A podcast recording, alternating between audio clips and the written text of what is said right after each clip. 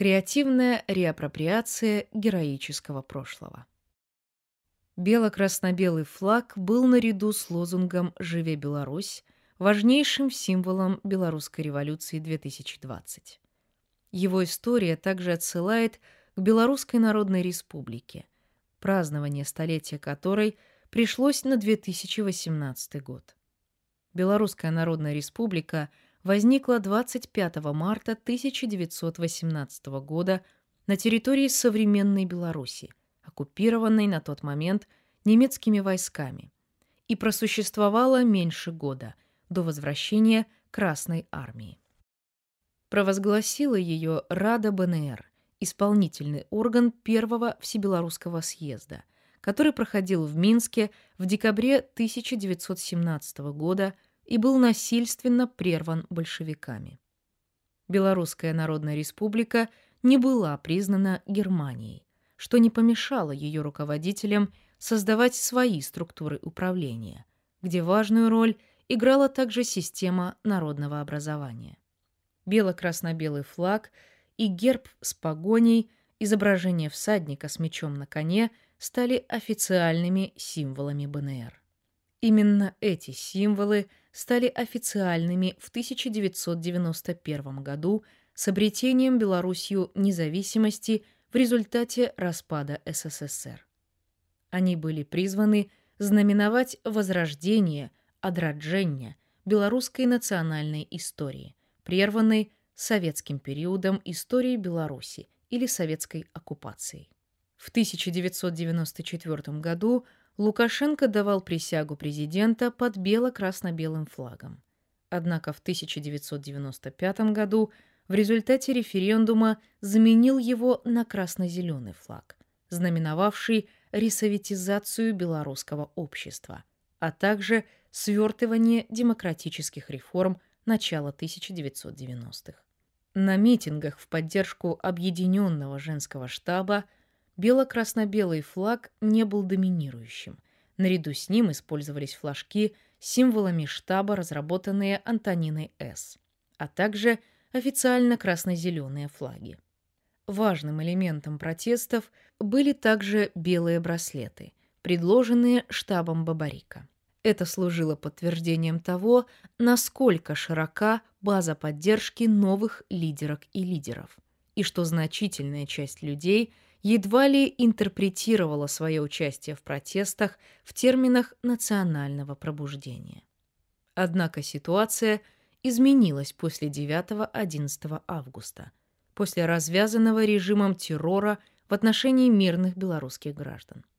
Бело-красно-белые флаги – возникали словно бы ниоткуда. У кого-то они хранились еще с начала 90-х, кто-то, причем не только отдельные люди, но и дворовые и другие сообщества, заказывали их через интернет. Женщины, сами и объединившись в группы, занимались также пошивом флагов, так что в определенный момент стало невозможно купить в магазинах красную и белую ткань. На первом воскресном марше 16 августа Бело-красно-белый флаг стал не только доминирующим символом в руках протестующих. В него обернули пяти с половиной метровую бронзовую скульптуру «Родина-мать», которая является частью архитектурно-скульптурного комплекса 1974 года «Минск. Город-герой», расположенного на перекрестке проспектов Машерова и Победителей. В 2014 году его частью стал также новый музей Великой Отечественной войны. Этот комплекс режим Лукашенко использовал в качестве важнейшей репрезентации официального просоветского дискурса, где победа над фашизмом занимала центральное место.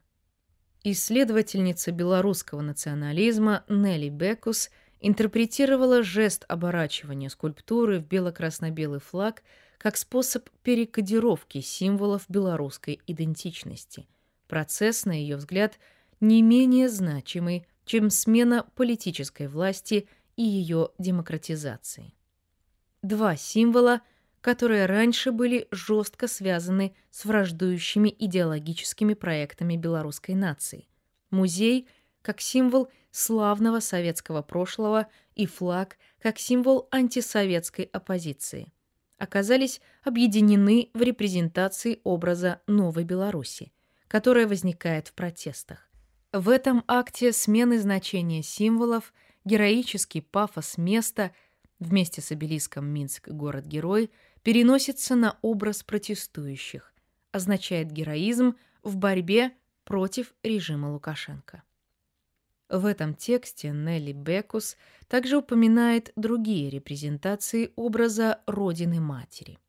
Прежде всего созданный Анной Редько плакат «Родина Маш зовет», посвященный Марии Колесниковой, порвавшей свой паспорт.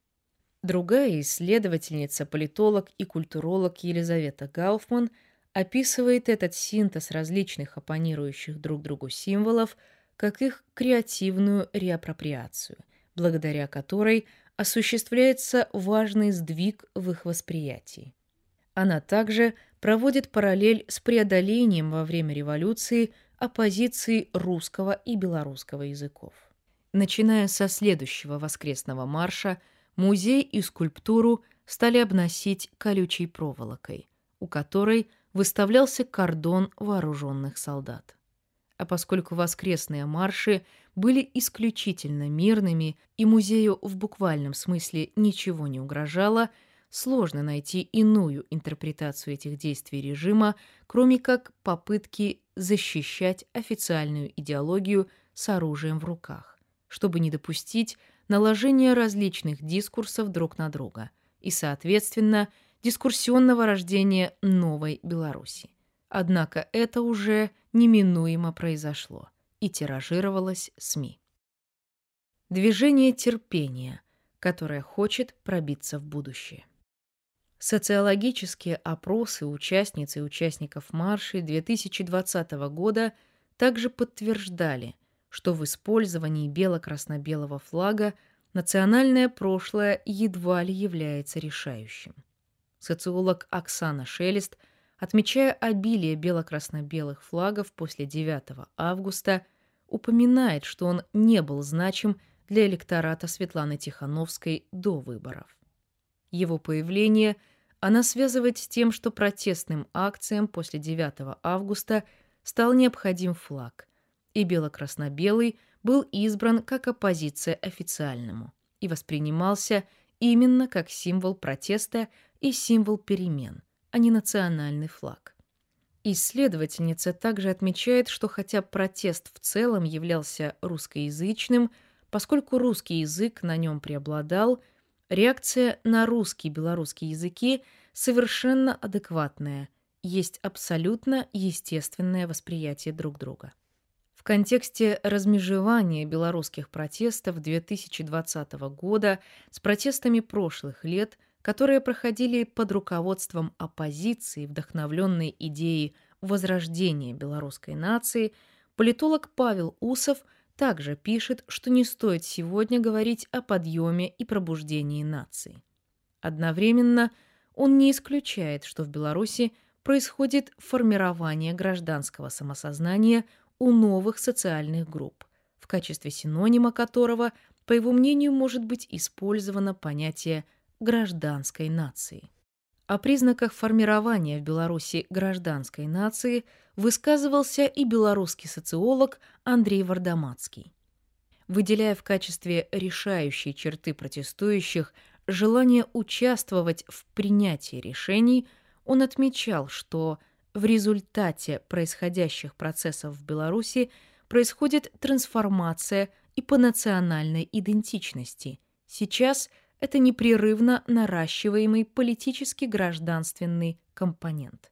В качестве важного следствия этого процесса он указывал на снижение ориентации на Россию на 11 процентных пунктов с сентября по ноябрь. Анализируя то, что происходит в Беларуси, в дискурсионном плане немецкий славист Генрих Киршбаум предложил использовать понятие не идентичности, а субъективации – у белорусских протестов, отмечал он, пока нет имени, как и нет завершенности. Но что еще важнее, хотя и есть начало, но нет истории происхождения, предыстории и памяти, без которых едва ли возможно конструирование той или иной и в особенности национальной идентичности.